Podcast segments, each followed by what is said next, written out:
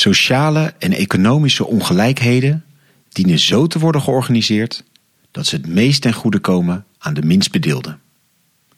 Volgens de Amerikaanse politiek filosoof John Rawls zou een rechtvaardige en redelijke samenleving naar dit verschilprincipe moeten worden ingericht.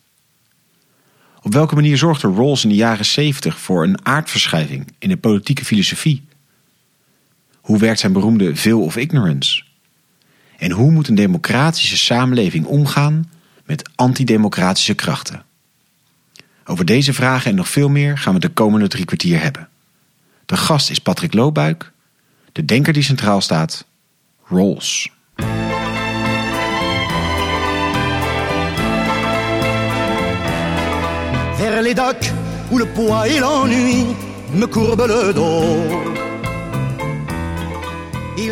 Dag, goed dat je weer luistert naar een nieuwe aflevering van de podcast Filosofie van het Centre Erasme School voor Filosofie. Mijn naam is Allard Amelink en het concept is wel bekend. We duiken in één denker aan de hand van een hoofdgast, een presentator en een sidekick. En in ongeveer 45 minuten zijn we daarmee klaar. En naast mij zit Judith Zwijstra. Hey Allard, en wij zitten in een ruime Gentse werkkamer. Uh, klaar voor nieuwe opname. Jozef is hier ook. En uh, beneden wachten een babytje en twee hondjes uh, bij Kees. Tot we weer lekker naar beneden verder gaan. Ja, precies. En uh, dit is dus onderdeel van onze Belgische trip die we elk jaar ondernemen. En we zijn op een uh, bekend adres. We zijn ook weer bij Patrick Loobuik te gast. Hij studeerde godsdienstwetenschappen aan de KU Leuven, moraalwetenschappen aan de Universiteit van Gent en is sinds 2006 verbonden aan de Universiteit Antwerpen aan het Centrum Pieter Gillis. En hij is daarnaast ook gastprofessor politieke filosofie aan de Universiteit Gent. Mooi dat we weer bij je te gast mogen zijn, Patrick. Heel fijn. Vorige keer heb je net het Patrick gezegd, dus ik probeer nu heel constant uh, Patrick te zeggen. Op zijn Vlaams. Ja, precies. Ja. Dat, uh, we leren zo elke keer weer een beetje bij. En vorig jaar hadden wij contact over uh, dat we, zei jij heel terecht, er moet een aflevering komen over John Rawls. Want het was honderd jaar geleden dat John Rawls was geboren. Toen hadden wij iemand anders daarvoor op het oog. Daar is het nooit meer van gekomen. Maar nu met een jaar vertraging en dus een Habermas podcast eerder achter de rug, hebben we dan nu toch over John Rawls. Geboren dus in 1921, 101 jaar geleden. Um, in Baltimore, studeerde aan uh, Princeton, iets wat onderbroken werd door de Tweede Wereldoorlog, waar hij vocht in onder andere Japan en Nieuw-Guinea.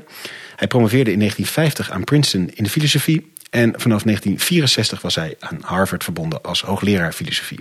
In 2002 is hij overleden en wat ik denk, als je dan van die denkers hebt waar altijd één zo'n werk gelijk in je oppopt, dan is dat bij Rawls wel A Theory of Justice. En daarbij is natuurlijk altijd een beetje de vraag, is het nou terecht dat daar dan één zo'n werk uitspringt of doen we daar Rawls eigenlijk mee tekort? Wel, het is een, enerzijds zeker terecht dat uh, de Theory of Justice um, aandacht krijgt, ook in uh, deze podcast. Het is trouwens twintig jaar geleden dat uh, Rawls is overleden, dus dat Kijk. is dan toch nog een, een verjaardag. ja. Ik zit even te denken dat we dit nu opnemen eind 2022 en waarschijnlijk uitbrengen vol. Nou ja, ach, helaas. Ja. Dus we zijn okay. toch niet helemaal qua timing. Ja, goed. Um, dus de, ik, ik, ik, zal straks nog wat verder uitleggen waarom Theory of Justice um, zo belangrijk is op verschillende vlakken. Uh, maar anderzijds kunnen we Rawls daartoe ook niet herleiden. Hij heeft uh, met name in 1993 ook nog een heel belangrijk boek geschreven met uh, onder de titel Political Liberalism. Waar de Theory of Justice vertaald is in het Nederlands, is Political Liberalism nog steeds niet vertaald. Maar ik vind het wel een zeer belangrijk werk. Waarin hij vooral nadenkt over hoe kunnen we samenleven, ondanks het feit dat burgers op vlak van ethiek en moraal en levensbeschouwing er heel, uh, heel grondig met elkaar van mening kunnen verschillen. En hoe kunnen we dan toch nog stabiel en rechtvaardig uh, onze samenleving organiseren? En hij heeft in uh, 1999 ook nog een, een, een dunner boekje geschreven waarin hij nadenkt over um, hoe rechtvaardigheid gedacht moet worden tussen tussen staten, of eigenlijk in zijn termen tussen volkeren. Hij heeft het werkje heet The Law of Peoples. Alle boeken liggen hier ook op tafel.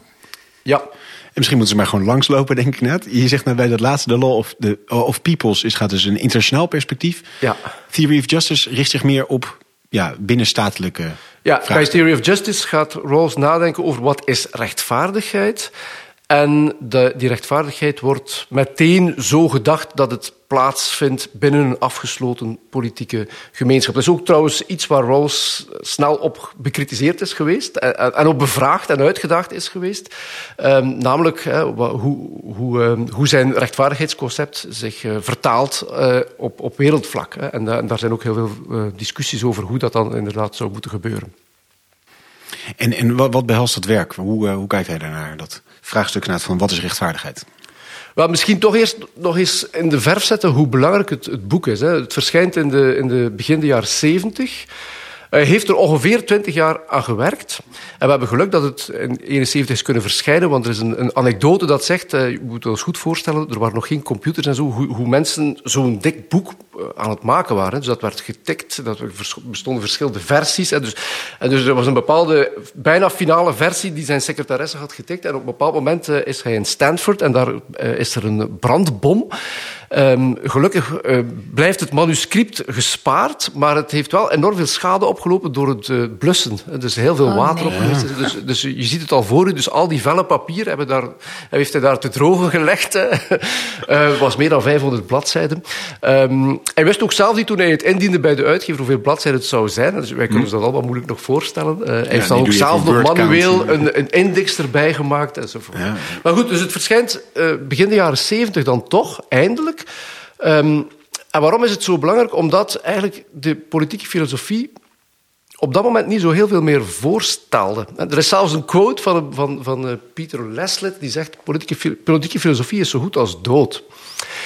En goed, dat is natuurlijk niet waar. Hè. Er zijn altijd mensen met politieke filosofie bezig geweest. Maar je zou kunnen zeggen dat die allemaal kleine huisjes aan het bouwen waren, terwijl Rawls met zijn Theory of Justice erin ges, er geslaagd is om een soort van uh, wolkenkrabber te komt, zetten. Ja. Een, een gigantisch gebouw waar niemand die nog aan politieke filosofie zou gaan doen, rond kan. Het was ook bijvoorbeeld Nozick, zijn, uh, iemand die Rawls dan bekritiseerd heeft, heeft, zegt dat ook. Hij zegt, niemand kan nog aan politieke filosofie doen zonder zich ten aanzien van de Theory of Justice uh, te verhouden. Je hoeft het niet met hem eens te zijn natuurlijk, maar je kunt er moeilijk nog rond. En het interessante is, en misschien moeten we dat beeld van die, van die wolkenkrabber verder, verder uitwerken, na Rawls zijn er nieuwe uh, grote gebouwen ontstaan. Bijvoorbeeld Nozick heeft het libertarisme uh, uitgedacht en, en, ontwikkeld. Het is een nieuw, nieuw groot, groot gebouw. Maar men is ook gaan nadenken over global justice. Men is ook gaan nadenken over um, multiculturalisme. Men is ook gaan nadenken over liberaal nationalisme. En al dit soort dingen zijn allemaal nieuwe gebouwen. Communitarisme, ook, dit ook. Allemaal nieuwe gebouwen. En eigenlijk is dat het dorp of de stad van de politieke filosofie vandaag is eigenlijk gegroeid uit die dat ene grote monument van de, dat Rawls met zijn En, dan Justice in reactie echt op dat werk? Of in, conflict veel- met of op, voortbouwend op? Ja, heel veel eh, reacties, eh, voortbouwend, eh, verduidelijkingen. Of thema's die Rawls zelf te weinig, bijvoorbeeld global justice, die hij dan te weinig in zijn werk heeft eh, behandeld, die dan, waar dan andere auteurs in dat gat zijn gaan springen. Ja. Ja, mooi. Maar dan terug naar, naar die vraag van hoe gaat hij aan de slag met rechtvaardigheid? Ja, um, Rawls die um, probeert, heeft een specifieke methodiek om over rechtvaardigheid en, en ethiek meer algemeen na te denken. En dat noemt hij het reflexief evenwicht, reflective equilibrium. Wat natuurlijk, uh, we kunnen niet in de ethiek over waarheid spreken zoals we in de wiskunde over 2 plus 2 is 4, dat nemen we gemakkelijk aan. Maar wat is nu de geldigheid van, van, van, van, van, uh, ja, van wat ik nu rechtvaardig noem en zo. Hè. En dan zegt hij, ja, ik heb een bepaalde methodiek, die uh, reflective equilibrium, waarin ik probeer uh, de morele intuïties die wij hebben en de morele overtuigingen die wij hebben in een in een coherent geheel met elkaar te denken. En we moeten, die, moeten verschillende elementen eh, in dat geheel op elkaar afstemmen. Eh, Bijvoorbeeld, jij kunt van mening zijn, en dat was toen de hangbare, meest hangbare theorie in de politieke filosofie, het utilitarisme. Uh, namelijk, de politiek is er in functie van the greatest happiness of the greatest number. En elk telt in die calculus van die greatest happiness of the greatest number als gelijke mee. Ja, dat is onze podcast over John Stuart Mill. Onder meer, Toch? ja. En Jeremy Bentham. Ja. Um, en Rawls zegt, ja, maar dat, is, dat, dat klinkt interessant en attractief. Totdat je daar een beetje gaat over doordenken en vaststelt dat ja, die greatest happiness of the greatest number er, ertoe kan leiden dat uh, individuen of minderheidsgroepen opgeofferd worden Ja. voor dat groter geheel. En dat botst dan met onze intuïtie. Van dat, dat zeggen we, dat is niet een uh, ideale vorm van rechtvaardigheid of van gelijkheid. Hè. Of bijvoorbeeld, je, je, je gaat naar het station en je ontmoet uh, daar uh, twee mensen, twee bedelaars, die, die geld vragen. En de ene bedelaar die speelt muziek en de andere die ligt daar maar wat met zijn hond um, tussen zijn tassen. En dan eh, vraag ik u, waar zou u dan, aan wie zou u een, een, een cent geven? En dan veel kans dat je zegt, ja, ik ga aan die persoon die, eh, die muziek speelt. Hè. Hij doet er tenminste iets voor. Hè. Dus een bepaald soort intuïtie die we hebben rond wat rechtvaardig is. Ja, en dan, oké, maar als we dan, dan, daar dan op, op gaan doordenken, ja, misschien is dat wel onrechtvaardig van ons. Want misschien geven de meeste mensen al aan die persoon die iets doet. En misschien is die persoon die geen muziek speelt nog veel meer in de miserie, omdat hij echt niks kan. En Niet eens een dus- instrument kan kopen, laten Ja, en misschien heeft die persoon die muziek speelt geluk, hè, dat hij toevallig uh, ouders had die hem uh, muziek hebben geleerd. En, de, waardoor hij, dus, en dan zeg je, ja, maar dat is misschien toch niet zo rechtvaardig. En dus op die manier... Hè, voel je, probeert hij zo heen en weer tussen morele intuïties en morele oordelen hè, tot een opvatting van um, rechtvaardigheid uh, te komen. En misschien moet ik al meteen uh, dan verklappen wat zijn opvatting van rechtvaardigheid behelst. Hij heeft um, verschillende principes naar voren geschoven. En het eerste principe is dat in een, recht, in een rechtvaardige samenleving alle burgers een zo groot mogelijk pakket aan basisvrijheden moeten ter beschikking uh, hebben. dus het gaat dus niet meer over, uh, bijvoorbeeld zoals het utilitarisme, dat, we, dat mensen gelukkig moeten zijn of zo, of utility moeten, moeten mm -hmm. of dat dat moet verdeeld moeten worden. Nee, het gaat over basisvrijheden. Het gaat over de mogelijkheid hebben om uw eigen leven vorm te geven. En dat impliceert dus vrijheid van geweten, vrijheid van vergadering, uh, vrijheid van meningsuiting, uh, maar ook de vrijheid om politiek te participeren. Al dit, zo, dit soort dingen. Dat moet eigenlijk zo, uh, iedereen moet een zo groot mogelijk basispakket hebben van dit soort vrijheden. Een tweede element van, van rechtvaardigheid is dat de, de jobs de, de, de, en, de, en de posities die, waar mensen voordeel kunnen uithalen, dat die onder een regime vallen van gelijke kansen. Um, dat het dus niet zo mag zijn dat omdat jij vrouw bent, je minder of meer kansen hebt dan iemand die, die, die ja. geen vrouw is, of, of, u, of uw huidskleur, maar ook eh, andere elementen. Dat, dat dus moet uh, gelijke kansen daar spelen. En dan ten derde, en dat is het, een, een, een beginsel waar hij zeer beroemd om geworden is, dat is het zogenaamde verschilprincipe. Um, waarbij hij zegt, um, sociaal-economische ongelijkheid mag op voorwaarde dat die ongelijkheid uh, in het voordeel is van de minst bedeelden in uw samenleving. Dus Rawls is eigenlijk een egalitaire liberale denker. Hij vindt gelijkheid belangrijk, maar hij zegt niet dat we naar een strikt egalitaire samenleving moet, uh, moeten streven. Hij zegt we moeten, het, uh, we moeten de samenleving, hij noemt dat de basic structure of society. We moeten die, die, die maatschappelijke structuur zo organiseren dat wanneer er dus ongelijkheid um, tot stand komt, dat dat in, de, in, het voordeel is van de, van de zwakste. En komt hier dan die veil of ignorance om de hoek kijken? Of? Ja, hier komt die veil of ignorance uh, om de hoek kijken. Ja, mag ik daar één vraag voor stellen? Want dat is wel haaks op hoe het nu natuurlijk vaak is. Want we richten de samenleving is ongelijk en die werkt, dat werkt toch vaak in het voordeel van de juiste meerbedeelden. Dit lijkt me in die zin is het een vrij uh, radicaal tegenovergestelde opvatting ja, het is, van hoe het nu is, toch? Ja, maar dus het, is, het, het is ongetwijfeld, als je zijn uh, opvattingen doordenkt, het is heel radicaal. Hè? Dus hij zegt ook bijvoorbeeld dat, want veel mensen denken dat, dat Rawls pleit voor een soort van welvaartsstaat, maar hij mm -hmm. is heel expliciet daarover dat zijn idee over de basic structure of society, dat dat wel nog grondig verschilt met de, de welvaartsstaat. Hè? Dus dat er... Uh, dat er, uh, dat, ja, hij is veel kritischer bijvoorbeeld voor, voor uh, kapitaalaccumulatie. Hij vindt dat, er, dat, de, dat de basic structure of society, en dus via belastingen enzovoort, dat je moet zorgen dat die kapitaalaccumulatie niet al te grote proporties aanneemt, omdat dat ook um, gevolgen heeft voor ons, voor het idee van, van, van sociale gelijkheid. En wanneer er te veel, te veel wanneer mensen te veel um, kapitaal enzovoort hebben, hebben ze ook te veel macht vaak. En dat, dat is bedreigend voor de democratie en dus voor het samenleven op basis van, van vrijheid uh, en gelijkheid. Vandaar dat hij bijvoorbeeld zegt, ja, een serieuze erfenisbelasting, dat moet, dat moet dan maar, uh, maar kunnen. Dat is een middel om kapitaal te, gaan, te gaan herverdelen. En natuurlijk, inderdaad, maar dat is een empirische kwestie... Um, is de ongelijkheid die wij vandaag hebben in het voordeel van de, van de mensbedeelden? Ja, dat, dat is, dat is um, bepaalde ongelijkheden mogelijk wel. En bijvoorbeeld, waar Rawls mee speelt, is eigenlijk het idee... Um, kijk, artsen bijvoorbeeld, die mogen volgens Rawls niet per se, die moeten niet meer verdienen omdat zij slimmer zijn dan andere mensen, omdat ze langer gestudeerd hebben dan andere mensen, omdat ze hoger IQ hebben of meer talent hebben dan andere mensen. Want daarvan zegt Rawls, en dat is iets dat voortdurend terugkomt in zijn werk. Ehm, ja, rechtvaardigheid mag niet, of, ja, of de verdeling van de middelen, dat mag niet bepaald worden door dingen die toevallig zijn. Waar wij eigenlijk geen verdiensten aan hebben. Het feit dat jij slim bent, dat jij goed... Ook het feit dat jij... En daar gaat hij dus zeer ver. Hè? Ook het feit dat jij dus de, de moed hebt om bepaalde moeilijke studies bijvoorbeeld aan te vatten en u daar ook voor inspant, daarvan zegt hij ook, dat is hm. eigenlijk iets waar je niet zoveel kunt aan doen. Hoor. We, zeggen dan natuurlijk graag zelf dat we dat we hebben een grote inspanning gedaan en dus moeten we daar ook voor beloond worden. Ja, Rawls heeft daar een ander idee over. Hè. We hebben geen verdiensten aan onze talenten, en, maar ook niet aan ons, bijvoorbeeld aan ons doorzettingsvermogen. Ja, dus in die zin alles staat het wel haaks op die meritocratie. Voilà, het staat heel haaks op de meritocratie. En dat, dat, dat zegt hij ook heel, heel expliciet. Hè. Um, zijn boek is, is een grote kritiek op het idee van meritocratie.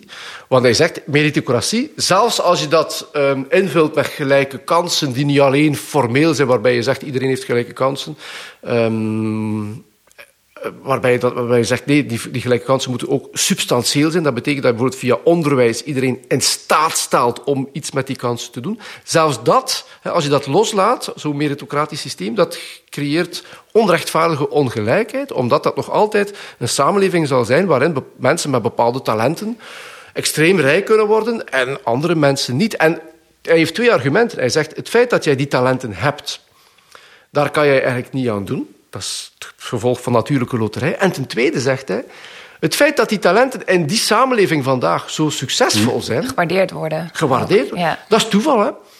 Als jij bijvoorbeeld een, uh, een talent hebt om, uh, om komisch te zijn en je bent stand-up comedian geworden en uh, je, bent, je breekt door, ja, dan is dat dankzij de media die u hm. groot heeft gemaakt, maar ook dankzij het feit dat we in een samenleving leven die dit soort dingen apprecieert en daar ook wel geld wil vrij, voor vrijmaakt. Maar misschien was je in een heel andere cultuur. Gewoon een, een gewoon niks, figuur. Ja, maar, ja, dus, dus, dus, dus in die zin hangt dat af. Dus, dus, dat, dus dat mag geen maatstaf zijn voor wat je verdient. Ja. Eh, waarom mogen artsen dan wel meer verdienen dan andere mensen? Hij noemt dat, of je kunt dat noemen, incentive inequality. Je kunt mensen proberen uh, aan te moedigen om hun talenten te ontwikkelen in functie van de zwaksten in de samenleving. Bij artsen is dat nogal duidelijk dan. Hè. Dus we hebben nood aan artsen, omdat er omdat er mensen ziek zijn en omdat dus de zwaksten in de samenleving daarbij gebaat zijn. Of dat dat dan zoveel moet zijn zoals ze nu verdienen, daar kan je zeker vragen bij stellen. Hè? Ja. Maar dat je probeert om de mensen die bepaalde talenten hebben uh, te motiveren ja. om, om, om de dingen te doen die in het voordeel zijn van de mens bedeeld, daar heeft Rawls dus, dus eigenlijk dus geen... Dus daar speelt dan eigenlijk een stukje ja. marktmechanisme. Dus dat, dat vindt hij dan wel dat je daar de markt voor kunt, uh, kunt gebruiken. Maar dus niet als beloning, maar eigenlijk als een soort lokkertje, zodat ze zich gaan inzetten voor... Ja ja. Het dus, grotere goed. Ja, dus voor de Rawls, Daar is dus nogmaals heel radicaal in. Uh, wij verdienen niet wat wij verdienen. Hè. Morele verdiensten, dat, dat, dat, dat, is niet, dat, dat, dat is niet het element dat, uh, waar de samenleving op ons moet, uh, moet, moet, moet, moet op belonen of zo. Hè. De, de samenleving mag ons belonen volgens de afspraken die we gemaakt hebben rond... kijk, we hebben bepaalde bepaalde posities in de samenleving die ingevuld moeten worden door mensen met bepaalde talenten enzovoort. En om die mensen daar te krijgen, kan het interessant zijn om, uh, om op die manier uh, verschil uh, mogelijk te maken. Die, ja, die veil of ignorance. Ja, daar is, daar is Rawls ook heel beroemd rond geworden. Hè. Ja, dus eigenlijk fear is het, justice, fear of ignorance. Fear of ignorance, ja, eigenlijk de originele positie. Hè. Dus wat hij zegt is... Um, Laat beeld u in dat, u, dat we in een, in een, ehm, in een, in een uh, positie zitten, hij noemt dat de originele positie, waarin we de opdracht krijgen, de interessante opdracht krijgen, om de uitgangspunten, de morele uitgangspunten van de samenleving waarin we straks zullen terechtkomen, te bedenken. Dus stel dat wij hier met ons clubje hier in, in, deze, in deze kamer um, de opdracht krijgen om de basisbeginselen van de samenleving waarin we straks zullen terechtkomen um, uit te tekenen. Dat is eigenlijk een heel boeiende opdracht hè, die we krijgen. Um, maar goed, er zijn twee constraints. Ten eerste, we mogen alleen maar op papier zetten waar wij het allemaal over eens zijn. Het moet consensus zijn. En ten tweede, en dat is dan die veil of ignorance, we weten niet, wanneer we straks naar buiten gaan, wie we zullen zijn. We zitten achter een sluier van onwetendheid. Uh, ik ben nu uh, een, een, man van, uh, met 48 jaar, met een bepaalde achtergrond, een bepaalde seksuele voorkeur, een bepaalde levensbeschouwelijke voorkeur enzovoort. Maar het kan zijn dat ik hier naar buiten ga, en dat ik iemand jongs ben, een ander geslacht heb, andere voorkeuren heb enzovoort. En je zou het zo kunnen inbeelden dat deze deur uitgerust is met transvervormers. We gaan erdoor. Maar we zijn niet zeker dat we straks nog dezelfde persoon zijn. Dat zijn de, dat, dat, dat zijn de condities waarin Rawls ons doet nadenken over uh, ja, rechtvaardigheid in een ideale samenleving straks. Wel, zegt Rawls, wat zullen wij beslissen? Laten we eens die oefening maken. Um, bijvoorbeeld over uh, man-vrouw gelijkheid. Misschien als hier een macho zou zitten in, in, in deze kamer, zou iemand zeggen... Eh, eh, ja, eh, eh laten we een samenleving organiseren waarin mannen meer rechten hebben dan vrouwen. Nu, u zult al zeggen, denk ik, ik ben het daar niet mee eens, maar ik zal ook zeggen, ik ben het daar niet mee eens. Ja. Bovendien is het ook een, wat Rawls dan zou noemen, een onredelijk standpunt. Waarom is dat een onredelijk standpunt? Omdat u, wanneer u dat verdedigt, dat mannen meer rechten moeten hebben dan vrouwen, dat dat, dat, dat eigenlijk dom is in zekere zin, want straks ben jij misschien een vrouw. Maar gaat hij dus... er dan steeds van uit dat je altijd dus wel vanuit je eigen belang uh, zal gaan kiezen, ook met de inrichting? Hè? Dus ja, als je dus, achterliet. Ja, ja, dus hij, dat is, hij, hij, gebruikt hier een beetje rational choice theorie. Hij zegt eigenlijk, zelfs als je mensen alleen vanuit eigen belang laat kiezen, je hoeft niet eens, ik, we hoeven niet eens van elkaar te veronderstellen dat we altruïstisch zijn of, of politiek correct of weet ik veel wat. Nee. Zelfs als we er gewoon van uitgaan dat we, op, uh, dat we een soort uh, rational choice uh, subjecten zijn, dan gaan wij voor het zekerste. Wat gaan wij uittekenen en onze grondwet zetten? Man-vrouw gelijkheid. Ja. Dat gaan wij doen. Wat gaan we zetten over godsdienst? We gaan, niet, we gaan niet, iemand zal misschien zeggen, ja, ik ben zo atheïstisch, ik ben tegen godsdienst. Misschien is het beter dat die samenleving straks godsdienst, dat, daar, dat godsdienst daar verboden is. Ja, dat is een onredelijk standpunt zou Rawls zeggen. Hè? Want wanneer je straks naar buiten gaat, ben je misschien een vrome jood of een vrome moslim. En ja, kom je in een samenleving waar je gediscrimineerd wordt. Dat zal jij niet willen. Dus wat gaan we afspreken voor het zekerste? Hè? Vanuit, ook vanuit die rational choice theorie. Ja, godsdienstvrijheid. Hè? Die overheid waar we straks mee te maken zullen hebben, die moet iedereen wat gelijk behandelen, wat, die, wat diens levensbeschouwelijke achtergrond ook is. En dan, wat, wat zullen we afspreken over sociaal-economische ongelijkheid? En dan komt dat verschilprincipe eh, op de proppen opnieuw. Rolf zegt, zullen wij afspreken dat we in een samenleving terecht willen komen waar de greatest happiness of the greatest number geldt. De, de rijkste samenleving in termen van bruto nationaal product. Nee, zegt Rolf, we zullen dat niet afspreken. Maar wie weet is dat bruto nationaal product zo, of is dat land zo georganiseerd dat er wel een groot bruto nationaal product heeft, maar dat dat bijvoorbeeld tot stand komt door de 10% rijksten. Ja. En dat er daar een gigantische onderklasse is waar wij dan mogelijk toe behoren. Dat gaan wij niet doen. Hè. Wij gaan niet kiezen voor een samenleving waarin we veel kans hebben dat we in echt, echt in de miserie zouden zitten. Zouden we kiezen voor een samenleving um, die strikt egalitair is? Ja, misschien ook niet. Wanneer we zouden kunnen kiezen voor een samenleving waarin... Stel nu bijvoorbeeld dat, dat we zouden kunnen kiezen tussen een samenleving die strikt egalitair is. Laten we zeggen, iedereen van ons straks krijgt uh, buiten de, een waarde van 15. 15.000 euro, weet ik veel wat. Hè. Maar we kunnen ook voor een samenlevingsmodel kiezen waarbij de rijksten veel meer dan die 15.000 krijgen en de zwaksten in die samenleving gegarandeerd 20.000 krijgen. Maar het is door de, een marktsysteem en door belastingen enzovoort dat dat, dat, dat, dat, dat systeem uh, zo uh, evolueert dat dus die ongelijkheid ook in het voordeel is van die mensbedeelden. Wel, zegt Rawls, je zou dom moeten zijn om niet voor die samenleving te kiezen. Ja, want iedereen dus uiteindelijk op. Voor een samenleving waarin de ongelijkheid die er is ook uit te leggen is ja. aan de zwaksten in de samenleving. En we zullen dus kiezen voor een samenleving waarin maximin geldt. We kiezen voor een samenleving waarin de zwaksten er nog het best aan toe zijn. Je zou, je zou, vanuit de rational choice theorie bestaat er ook zoiets als de keuzestrategie van maximax. Je zou kunnen zeggen, we gaan kiezen voor een samenleving, die dat samenlevingsmodel waarin de rijksten het, het superrijkst zijn. Dan zouden wij ons opstellen als een gokker. Ja. Dat is niet rationeel, zegt Rawls. Vanaf de veil of ignorance gaan wij dat niet doen. We gaan kiezen voor, vanuit het idee, stel dat ik tot die onderklasse behoor, laat ons dan kiezen voor dat samenlevingsmodel waarin ik als ik tot die onderklasse behoor, er toch nog het beste, relatief gesproken, en vergelijk Ja. met andere samenlevingsmodellen, er het beste aan toe ben. En dat is dan het difference principle. Hè. We kiezen niet per se voor een samenleving waar strikte gelijkheid is. We kiezen voor een samenleving die zich zo organiseert, via markt en belastingen en herverdeling, dat, ehm, dat ongelijkheid kan, maar in het voordeel is van de, van de zwakste. En, en je, je zegt dan dat een beetje, dat is de rationaliteit van een gokker. Eh, in hoeverre eh, eh, kunnen we erop, zouden we erop kunnen vertrouwen in zo'n situatie dat iedereen inderdaad zo rationeel redeneert? Want er is natuurlijk ergens een soort gekke bias dat iedereen, ik bedoel, loterijen bestaan omdat mensen ook inderdaad denken van, ja, Ja. tuurlijk ga ik hem niet winnen, maar ja, iemand moet hem winnen, misschien ben ik het wel. Een soort zelfoverschatting daarin. Gaat hij zeg maar, daarop in of zegt hij, ja, joh, dat, dat laat even bij de beschouwing.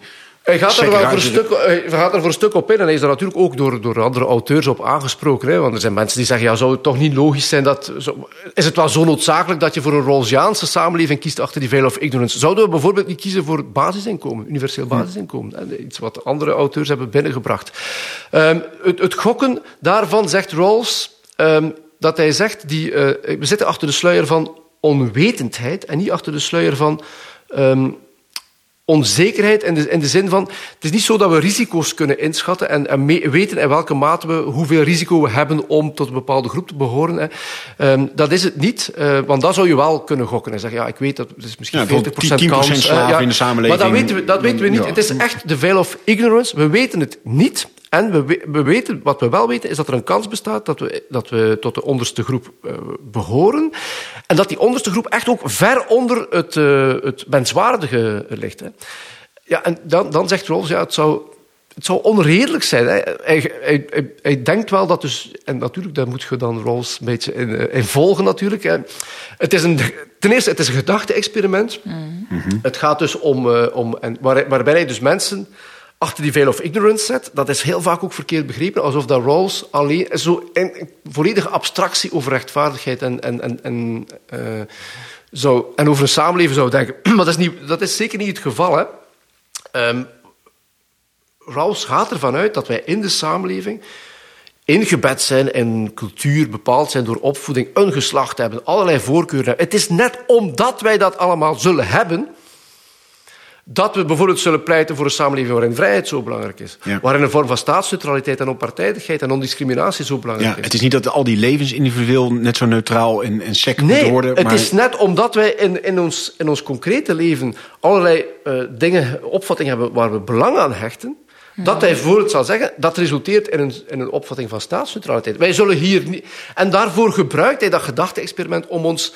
Wat Rawls eigenlijk wil doen met dat gedachte-experiment is, hij wil ons laten invoelen wat wederkerigheid is. Hij wil ons even laten denken van, ja, maar hoe, zou dat, hoe, hoe wordt mijn standpunt bekeken vanuit het, de ander? Ja. En, dat, en daarvoor gebruikt hij de veil of ignorance puur als een gedachte-experiment, niet als een beschrijving van hoe de wereld echt ehm, in elkaar zit. En eh, wat ik me nog afvraag, ook zo nu we het er eh, zo over praten, van is dit voor hem nou een soort theoretische wens geweest om dit uit te werken? Of heeft hij ook eh, in zijn, dus het verschijnt begin 70er jaren, heeft Ja. hij ook zeg maar om zich heen gekeken, gedacht van, nou de samenleving waarin ik nu zit, dat vind ik unjust? Of is het eh, een reactie zeg maar op de manier waarop hij eh, verankerd in het leven staat en in de samenleving staat in zijn tijd? Of is het echt een academisch werk wat er gewoon moest komen en ineens. Ja, ik denk beide. Er. Het is zeker, zeker een academisch werk. En, en dat zie je ook in de opbouw van Theory of Justice, waarin hij heel veel tijd neemt, en vanuit ons perspectief eigenlijk misschien te veel tijd neemt,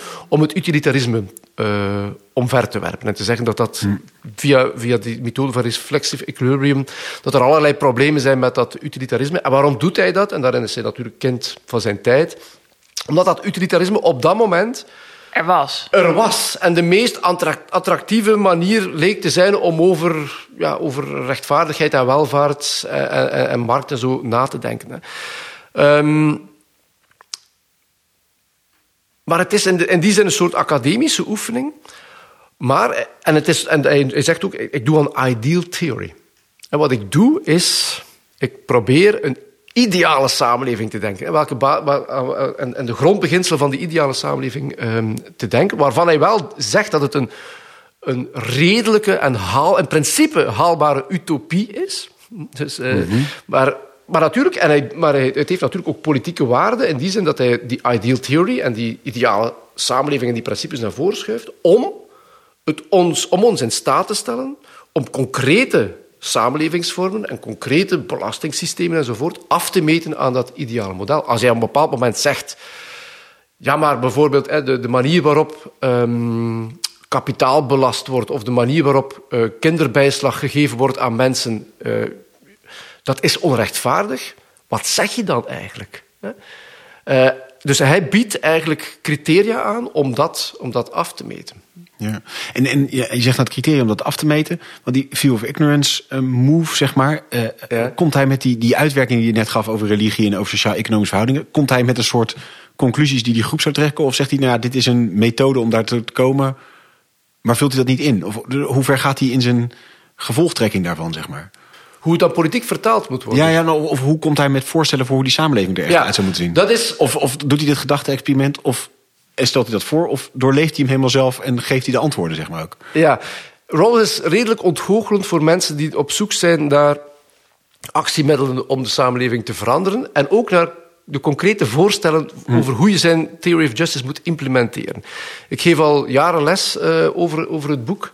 Uh, en ik zie dat dat bij sommige mensen tot frustratie leidt. Dus je zult hand, het, is een, het is een lijvig boek, maar je vindt eigenlijk heel weinig concrete voorstellen. Wat hij wel doet als voorstel, is een belasting, heb ik al gezegd, op erfenis. Ja. Dat vindt hij rechtvaardig. Hij pleit ook voor een um, progressieve verbruikersbelasting. En wanneer je dingen eh, consumeert, dan mag, je daar, mag de overheid daar ook uh, um, tax op, uh, op heffen. En je zal iets sceptischer over een tax op arbeid. Waarom? Omdat wanneer je iets verbruikt, dan neem je iets weg uit de wereld. Dan eigen je iets toe en dat moet gecompenseerd worden aan anderen die dat dan niet meer kunnen gebruiken. Of zo. Dat is de redenering. Terwijl bij arbeid creëer je iets. En het is eigenlijk een beetje vreemd dat we dat zouden, zouden gaan belasten. Maar hij geeft wel toe dat het, het kan rechtvaardig zijn om, om ook aan, om arbeid te belasten, maar het, het hoeft niet per se. En dan een ander belangrijk punt wel bij hem dat hij als voorstel, of wat, wat zijn boek wel bevat, is het, wat hij noemt het sociaal minimum. Uh, hij vindt dat dat zelfs in de grondwet moet staan, dat iedereen uh, minstens een bepaalde levensstandaard moet uh, gegarandeerd uh, hebben. En dat de staat daar garant moet, um, moet voor staan. dat, dat, ja. Maar voor de rest, en hij is daar ook open in. Hè. Hij zegt, op mijn, mijn, mijn theory of justice dat kan misschien vertaald worden door een um, democratisch socialistisch systeem. Maar het kan net zo goed um, ja, vertaald worden in wat hij dan noemt volkskapitalisme of property owning democracy. En, dus hij, en dat is ook waar Rawls attractief voor is geweest. Hij is, heeft zich politiek op de, ergens op de vlakte gehouden, waardoor tot op vandaag je ziet dat zowel sociaaldemocraten als partijpolitieke liberalen wel graag eens naar ja. uh, Rawls uh, verwijzen. Um, en mogelijk is dat ook omdat hij, omdat hij zich niet te, al te veel politiek zich ja. al te veel politiek heeft uit. Hij zegt, eh, politiek moet zijn werk doen. Hè. Dat, is, dat is democratie. Dat moet, dat moet dan, volkeren moeten zichzelf besturen en moeten maar beslissingen nemen. Ik zeg alleen, hè, als u beslissingen neemt, dan kunt u... Dan zijn hier een aantal criteria op basis waarvan je kunt zeggen die beslissingen zijn meer of mindere mate rechtvaardig. Ja. Volgens mij legt hij al een beetje het bruggetje naar uh, het, tweede boek wat we wilden bespreken, de Political Liberalism. Met name dat je zei van die mensen in die samenleving hoeven niet allemaal sekke, uh, neutrale mensen te zijn. Die mogen allemaal hun verscheidenheid hebben. Maar het systeem moet dat goed inbedden, zeg maar. Ja, Gaat na dat werk ging daar toch over in je samenvatting? Ja, political ja, ja. liberalism kan in die zin, hoewel Rawls dat zelf ontkent, maar ik, ik zie het toch een beetje zo ook gezien worden als een, een uh, reactie van Rawls, een antwoord van Rawls op een aantal communitaristische kritieken die hij heeft gekregen. Mm -hmm. En bijvoorbeeld Michael Sandel, um, bekende, nog, nog steeds uh, sterfilosoof uh, vandaag, um, die trouwens ook heel erg kritisch is over de meritocratie en op dat punt eigenlijk heel veel gelijkenissen heeft trouwens ook met, met Rawls. Um, maar hij heeft Rawls al in de jaren tachtig uh, bekritiseerd omwille van het feit dat hij beschuldigt Rawls ervan dat Rawls een veel te abstract mensbeeld zou hebben. Hè, wat we daarnet eigenlijk al besproken hebben. Uh, ik denk dus dat Sandel fout is, dat hij Rawls verkeerd gelezen heeft. En ik denk dat, dat Rawls dat zelf ook dacht. Rawls die ging trouwens niet, niet... Was ook niet iemand die op alle... Maar hij heeft heel veel kritiek gekregen natuurlijk op zijn boek, of, of, of vragen. Hij ging er allemaal niet te sterk op in. Hij heeft maar op een paar dingen echt uh, doorgegaan. En dus onder andere dat communitarisme... Ja, hij heeft proberen aan te tonen in political liberalism dat het dat hij helemaal niet vertrekt van het idee dat mensen niet ingebed zijn, maar dat mensen in concreto ja, mensen zijn van vlees en bloed, met bepaalde bijvoorbeeld ook levensbeschouwelijke voorkeuren. Uh, en dat mensen op dat punt heel erg van elkaar kunnen verschillen en dat je dan moet gaan nadenken, hoe kunnen we nu um, ja, tot, tot een rechtvaardig uh, samenlevingsmodel komen. Ja, dus daar, daar komt zeg maar de, pers, de dus die, die worteling en de, de persoonlijke levens uh, worden daar eigenlijk uh, tegenover of in interactie met dat politieke geplaatst in dat boek, Political ja, Liberalism. Ja, klopt. En ja. uh, wat hij daar, het, een heel belangrijk concept dat hij daar introduceert, je zou kunnen zeggen, die veil of ignorance en de originele positie en het verschilprincipe, dat is vooral die theory of justice. Wat political liberalism doet, of een concept dat daar heel belangrijk is, is de overlappende consensus.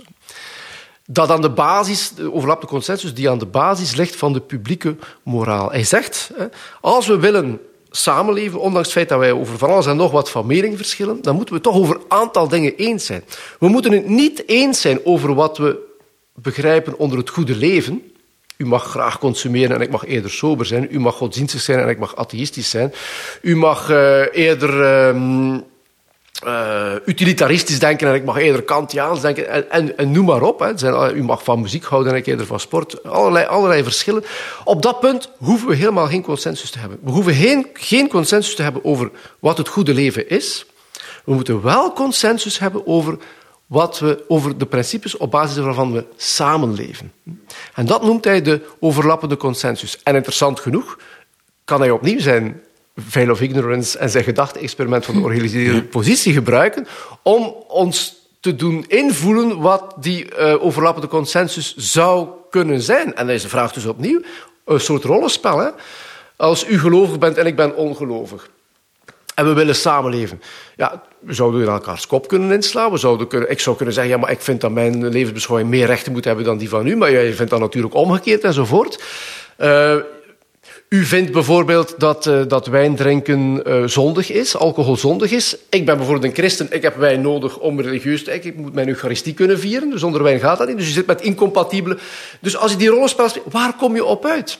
Ja goed, op godsdienstvrijheid en vrijheid van geweten. Ja. En, en dit zijn elementen van de overlappende consensus. En wat Rawls vraagt in zijn political liberalism van ons als burger is, je moet aanvaarden hoe sterk je over, ook overtuigd bent van je persoonlijke, morele en levensbeschouwelijke opvattingen, je moet aanvaarden dat een overheid zich voor haar wetgeving niet op die particuliere normen en waarden en uitgangspunten kan baseren. U mag perfect vinden dat alcohol drinken zondig is.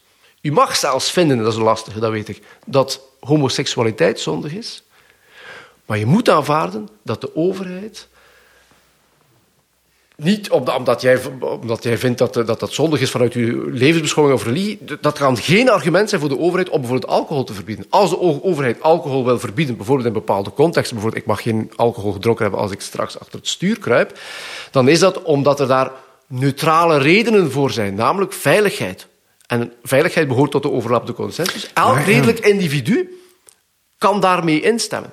Maar, maar, maar, lukt het, eh, ik kan nu niet een heel concreet voorbeeld bedenken, maar eh, lukt het altijd om dat uh, midden te vinden waar je elkaar wel kan vinden? Hè? Dus uh, wijn drinken is zondig of niet? Nou, daar kun je over discussiëren. Je kunt dan zeggen, dat nou, we brengen de factor gezondheid bijvoorbeeld in. Van, nou, dat moet wel kunnen, moet niet kunnen.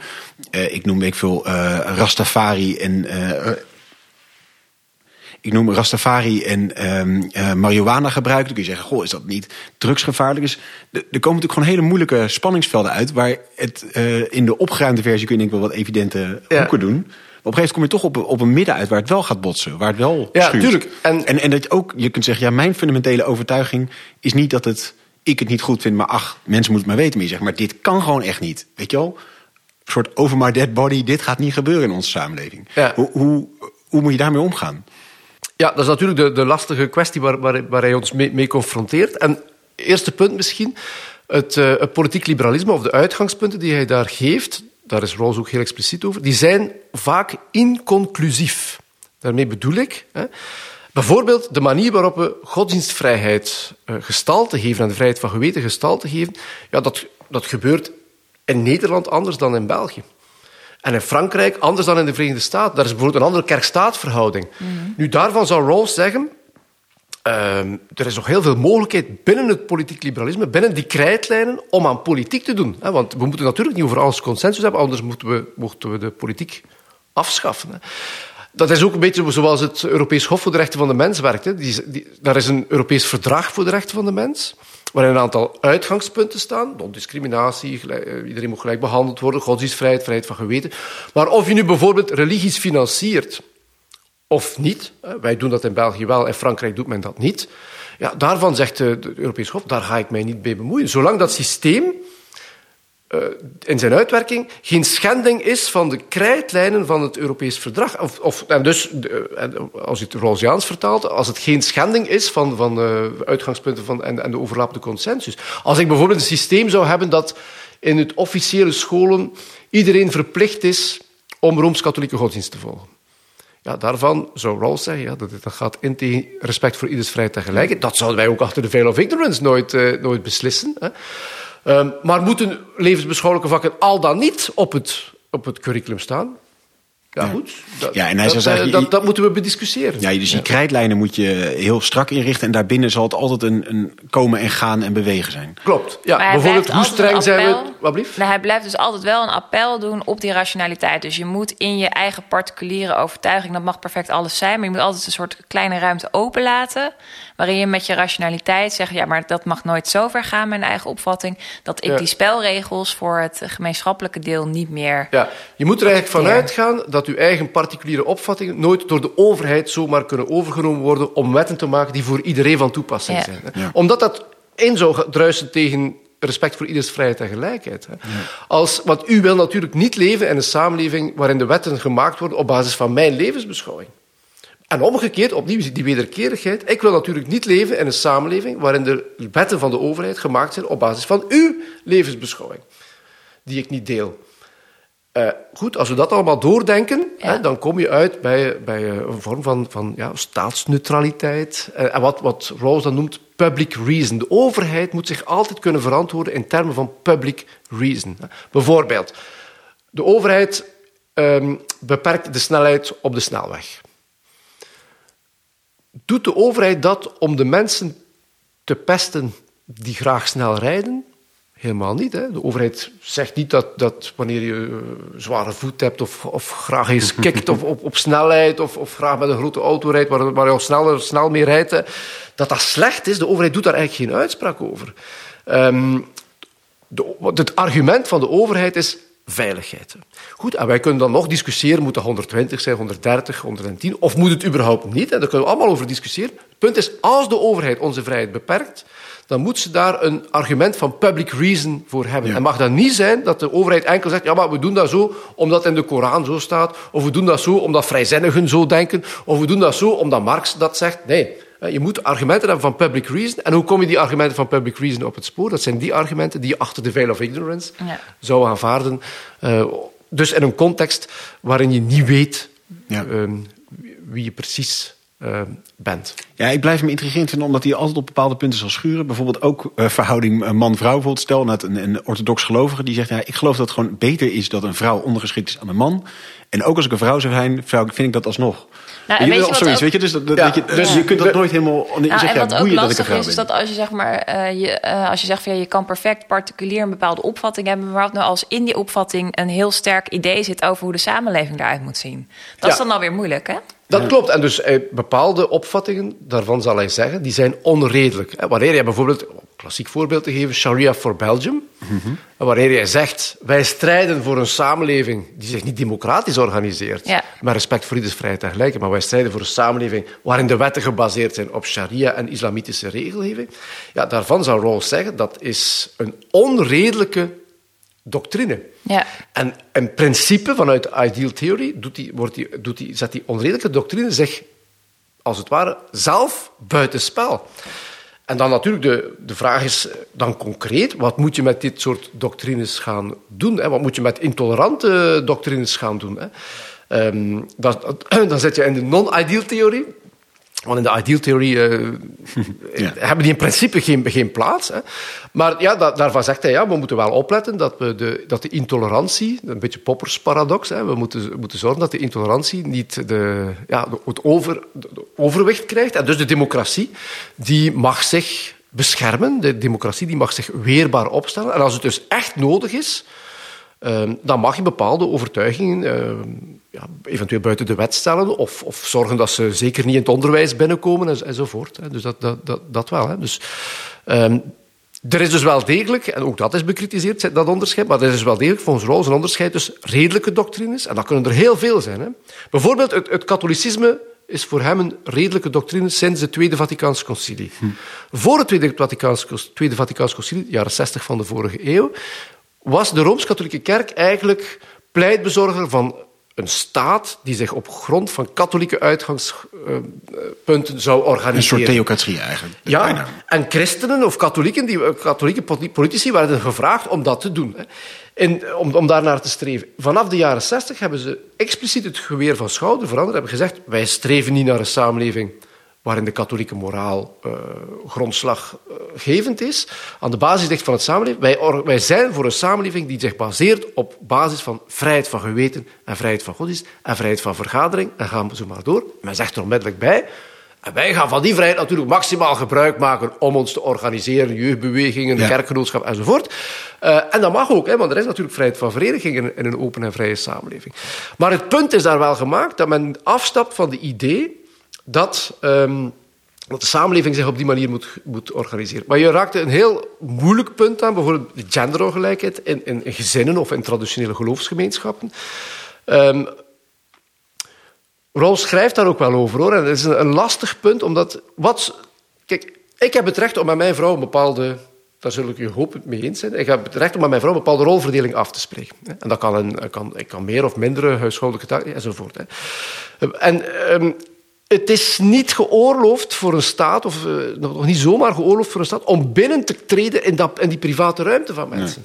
Wat je wel moet garanderen, daartegenover is, je moet, mensen, je moet zorgen dat mensen weerbaar zijn. Je moet mensen, zorgen dat mensen kunnen opkomen voor hun recht. En je moet zorgen dat mensen, wanneer het hen niet meer aanstaat, in die levensbeschouwing... Andere of in de- keuzes kunnen maken. Andere keuzes kunnen maken Ja. en eruit kunnen stappen.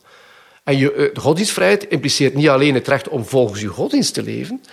maar Rawls is daar heel duidelijk over. Maar ook om van, van idee te veranderen en ook om Ja. de godsdienst achter u te laten.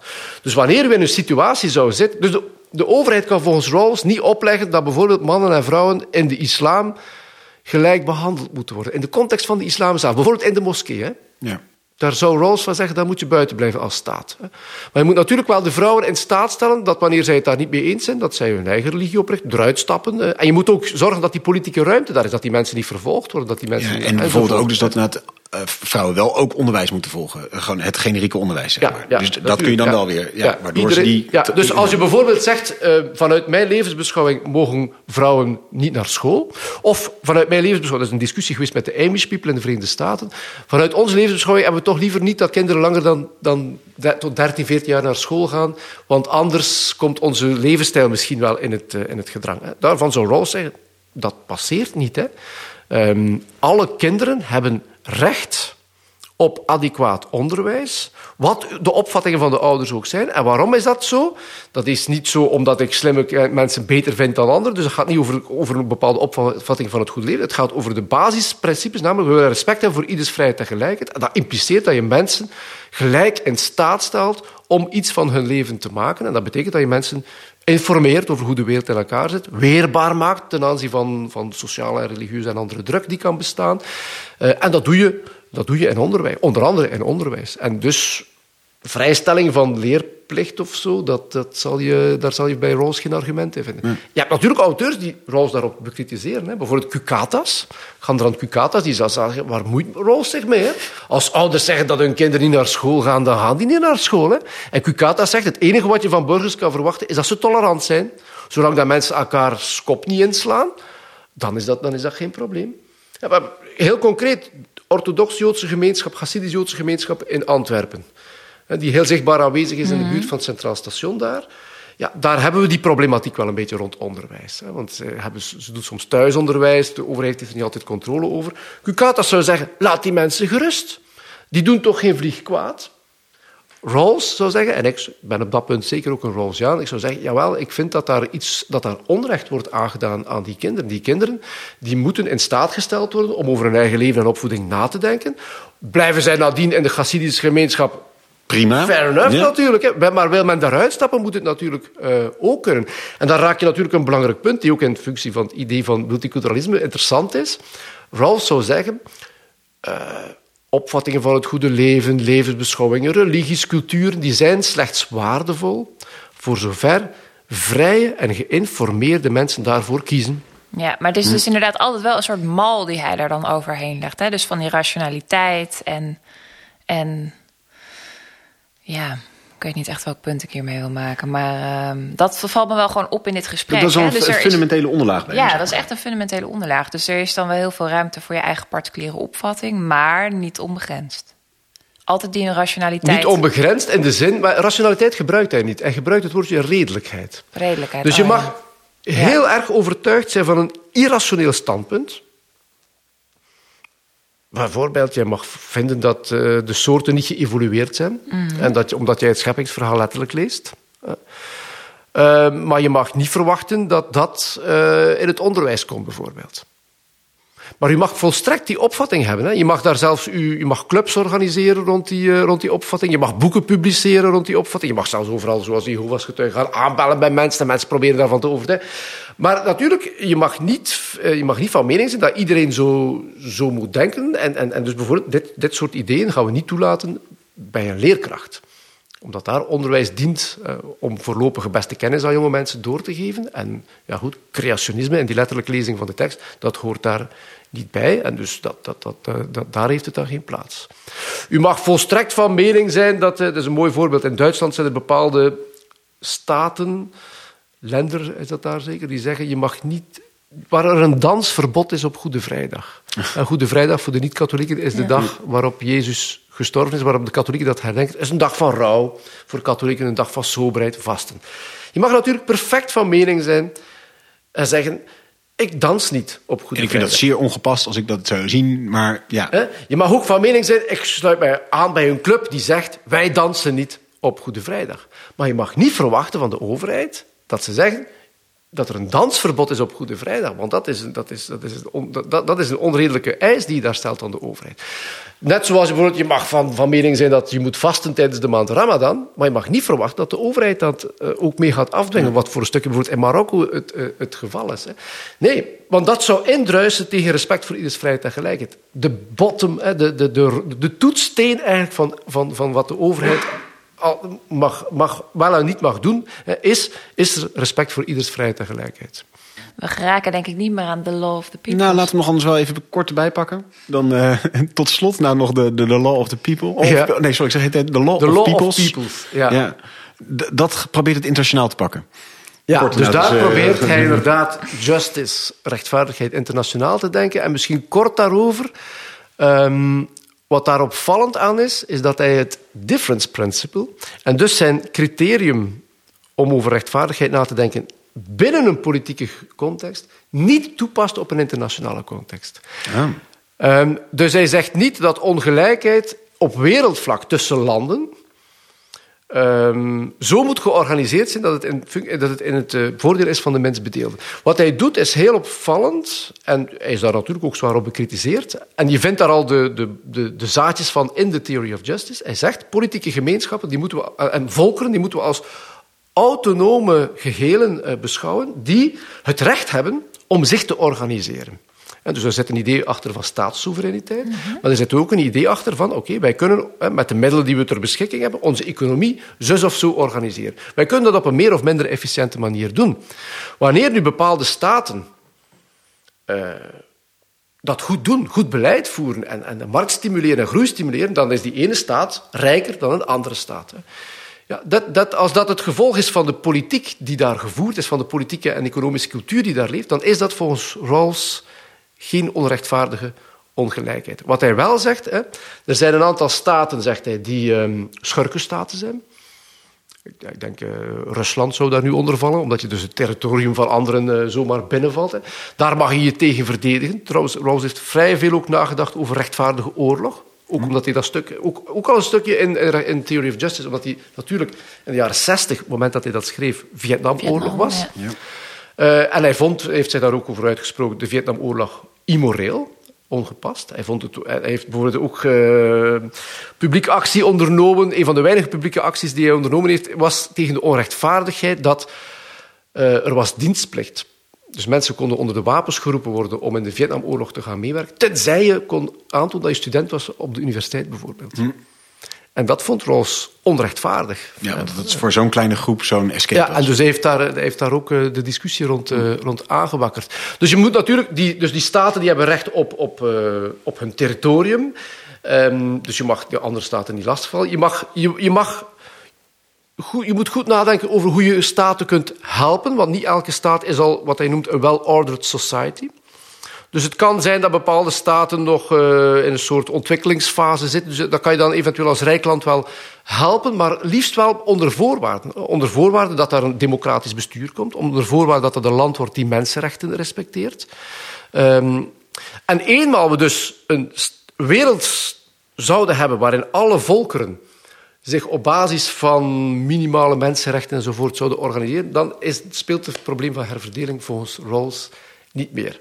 Natuurlijk, hij gaat er hier nu erg van uit, en dat gaat in tegen bepaalde globaliseringstheses natuurlijk, waar, waarbij dat die, dat die landen heel onafhankelijk van Ja. elkaar functioneren. Hè. We natuurlijk Dat heel goed weten dat het economische systeem, dat ja, dat, het, dat het kapitalisme natuurlijk ook gedijt eh, door, door andere landen uit te buiten of, of, of enzovoort. Hè. Dus, dat, dat, dus daar houdt hij eigenlijk eh, weinig rekening mee en op dat punt is hij natuurlijk ook eh, sterk bekritiseerd. Wat ook wel interessant is, is nog dat hij, hij, hij heeft geen concrete voorbeeld, maar hij verwijst bijvoorbeeld wel naar Kazanistan. Eh, en daarmee wil hij aangeven dat zo'n land die zo entre les deux is. Hè. Dus het is een land die zich wel min of meer met wat mensenrechten eh, inlaat, maar het is niet volledig demo- het is zeker niet democratisch. Hè. Dus hij noemt het een, een, ja, een hiërarchische decent society. Wel zegt hij, ja, zelfs daar moeten we met onze pollen vanaf blijven. Dus die landen hebben, hun recht, hebben het recht om zich zo te organiseren, ook al is dat niet volledig liberaal. Dus hij is, hij is eigenlijk tegen een soort van liberaal kolonialisme, als ik het zo mag, eh, als ik me zo mag uitdrukken. hè. Dus, eh, ehm, hij vindt dat we daar, dus, dat, dat, dat we daar toch redelijk terughoudend moeten in zijn. Wanneer er fundamenteel mensenrechten worden geschonden, dan mogen we ingrijpen. hè. Dan kunnen we eventueel zelfs denken over militair ingrijpen enzovoort. En zeker in de onderhandelingen moeten we dan met die landen eh, dat, die mensenrechten op de agenda zetten. Maar wanneer het landen zijn die zo, ja goed, ja, hij vergelijkt het een beetje met het Ottomaanse Rijk, waar mensen, ja, er de christenen die mochten er zijn, ze, maar die hadden gelijke rechten, maar ze werden niet vervolgd, ze mochten, ze, er was vrijheid van geweten enzovoort. Ja, dan blijven we daar toch beter, beter af Grappig. in zijn wereldorde. Ja. Ja. Dankjewel, eh, Patrick. Volgens mij een heel eh, uitgebreid eh, en relatief daarmee compleet verhaal over Rawls. Laatste werk moest natuurlijk wat, wat korter doorheen. Ehm, we begonnen bij de Theory of Justice inderdaad. Twintig jaar lang heeft ehm, eh, Rawls daaraan gewerkt. Met als hoofdvraag, wat is rechtvaardigheid? Ehm, en nou, dat hoorden we ook even bij dit laatste werk binnen een gesloten politieke gemeenschap. Politieke filosofie is een beetje dood. In de jaren zeventig eh, is een beetje het beeld. Eh, utilitarisme is leidend. Maar eigenlijk zegt Rawls, een mooi beeld wat uh, Patrick gebruikte... een soort nieuwe wolkenkrabber daarin... waarin vervolgens in de loop der jaren liber, eh, libertarisme, global justice... allemaal omheen komt in reacties op zijn werk. Hij wordt echt een nieuwe standaard die hij eigenlijk daar neerzet. En waar hij ehm, introduceert in Theory of Justice een, een soort methodiek, reflexief evenwicht. Ehm, hij zegt, er zijn ten opzichte van utilitarisme, daar gaat dat leidende is eh, the greatest happiness of the greatest numbers. Ehm, en hij zegt, ja, daar zijn eigenlijk morele intuïties, overtuigingen die, die ja, daar toch mee botsen. Waarmee je gevoelsmatig aanvoelt van nee, dat, dat, dat schuurt en dat, dat is niet altijd de, de meest sluitende verhaal. Uh, Patrick gebruikt het voorbeeld van uh, twee daklozen naast elkaar. De een heeft een instrument, de ander niet. De een maakt muziek. Aan wie geef je dat, dat muntje? Geef het aan die passieve, want die heeft misschien eigenlijk wel veel meer nodig. Die heeft niet eens een instrument. Of geef juist aan diegene waarvan je zegt, joh, daar moet juist, die werkt tenminste nog voor zijn geld. Um, kortom, je ziet dat hij probeert eigenlijk die morele intuïties, die overtuigingen, uh, tot een coherent geheel te denken. En die mee te nemen in, in een, ja, hoe je de samenleving moet inrichten. En dan komt hij met drie principes. Allereerst, alle burgers um, moeten een zo groot mogelijk pakket van basisvrijheden krijgen. Gewetensvrijheid, vrijheid van meningsuiting, vrijheid van vereniging. En daarnaast zegt hij gelijke kansen voor iedereen, ongeacht uh, seksen of uh, geaardheid of afkomst. En vervolgens komt hij als derde met het verschilprincipe. En daarvoor geldt dat sociaal-economisch verschil best mag bestaan, mits het ja, in de basic structure of society werkt in het voordeel van de minst bedeelde. Um, en we kwamen eigenlijk een beetje gaandeweg achter dat dat best een radicaal na idee is. Dat is heel erg tegen de meritocratie, waarin je zegt van nou, het systeem mag best werken in de mensen die toch al veel hebben. Nee, wat hij voorstelt is een wereld waar eigenlijk niet beloond wordt op basis van toevalligheden. En de categorie van toevalligheden is vrij groot. Het gaat over uh, ook talent of opvoeding. En zelfs het talent hebben om goed te kunnen studeren. Of het talent hebben om de moed te hebben om überhaupt een studie aan te gaan. Al deze talenten heb je toevallig gekregen. En op basis daarvan moet je ze niet uh, dus mensen belonen. En ja, je hebt ook maar toeval dat de talenten die jij hebt, dat pakketje, dat dat toevallig vandaag de dag heel populair is. Dus inderdaad, uh, ben je nu grappig, kun je comedian worden. Was je het honderd jaar geleden, had je misschien uh, te weinig diepgang. En was het een nutteloze uh, karaktereigenschap geweest. Op welke grond moeten we artsen dus bijvoorbeeld wat meer laten verdienen? Nou, niet op basis van hun talent of een opleiding of een inspanning, maar wel om incentive te geven. Zodat zij zich gaan toeleggen, dat zij hun talenten gaan ontwikkelen voor het helpen van de zwakken. Dat is dus de enige uh, grond waarop je dat zou kunnen doen. En daarbij is de view of ignorance een, een belangrijk principe na het uh, de, de, bekende gedachte-experiment wat hij introduceert. Uh, iedereen heeft een originele positie en gaat met elkaar dan besluiten op welke uitgangspunten de samenleving moet worden ingericht. En ja, in de tussentijd van tussen die originele positie en de daadwerkelijke samenleving vindt er een soort ja, magische transitie plaats. Niemand weet op welke plek die terechtkomt. En uh, dat is samen met dat alleen waar consensus over is, dat mag op papier gezet worden. De twee spelregels eigenlijk voor die view of ignorance.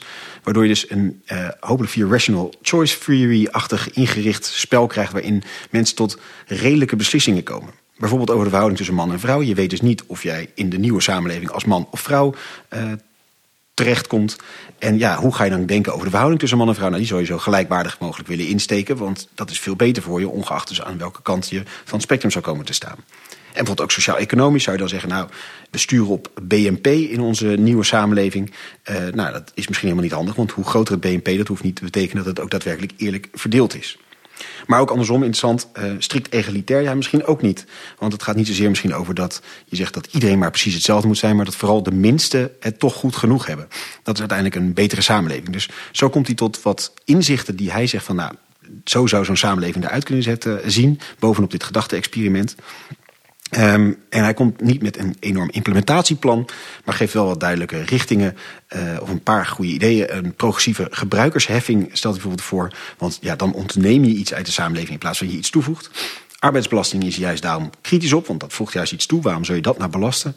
Een erfbelasting, want dat is natuurlijk zo'n toevalstreffer, dat jij toevallig ouders treft met geld dat ze aan je na kunnen laten.